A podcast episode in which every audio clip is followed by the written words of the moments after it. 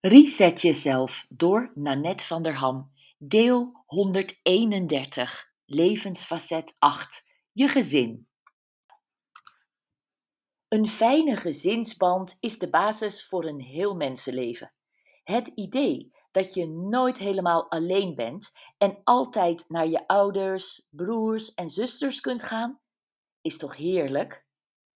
Ik vraag mij, als ik niet weet hoe ik iets moet doen, vrijwel altijd af: hoe heeft de natuur het bedoeld? In het geval gezin is het natuurlijk de bedoeling dat we opvoeden, maar ook dat we ons gezin eigen keuzes en eigen fouten laten maken. En dat we onze kids op tijd op eigen benen zetten. Een gezin is al lang niet meer vader, moeder en de kinderen. Patchworkgezinnen of samengestelde gezinnen brengen hun eigen aardigheden en onaardigheden mee.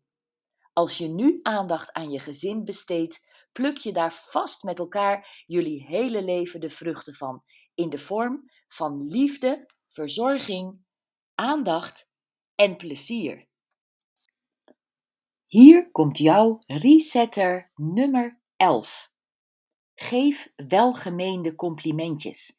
We weten dat waardering en erkenning hoog in onze behoeftehiërarchie staat.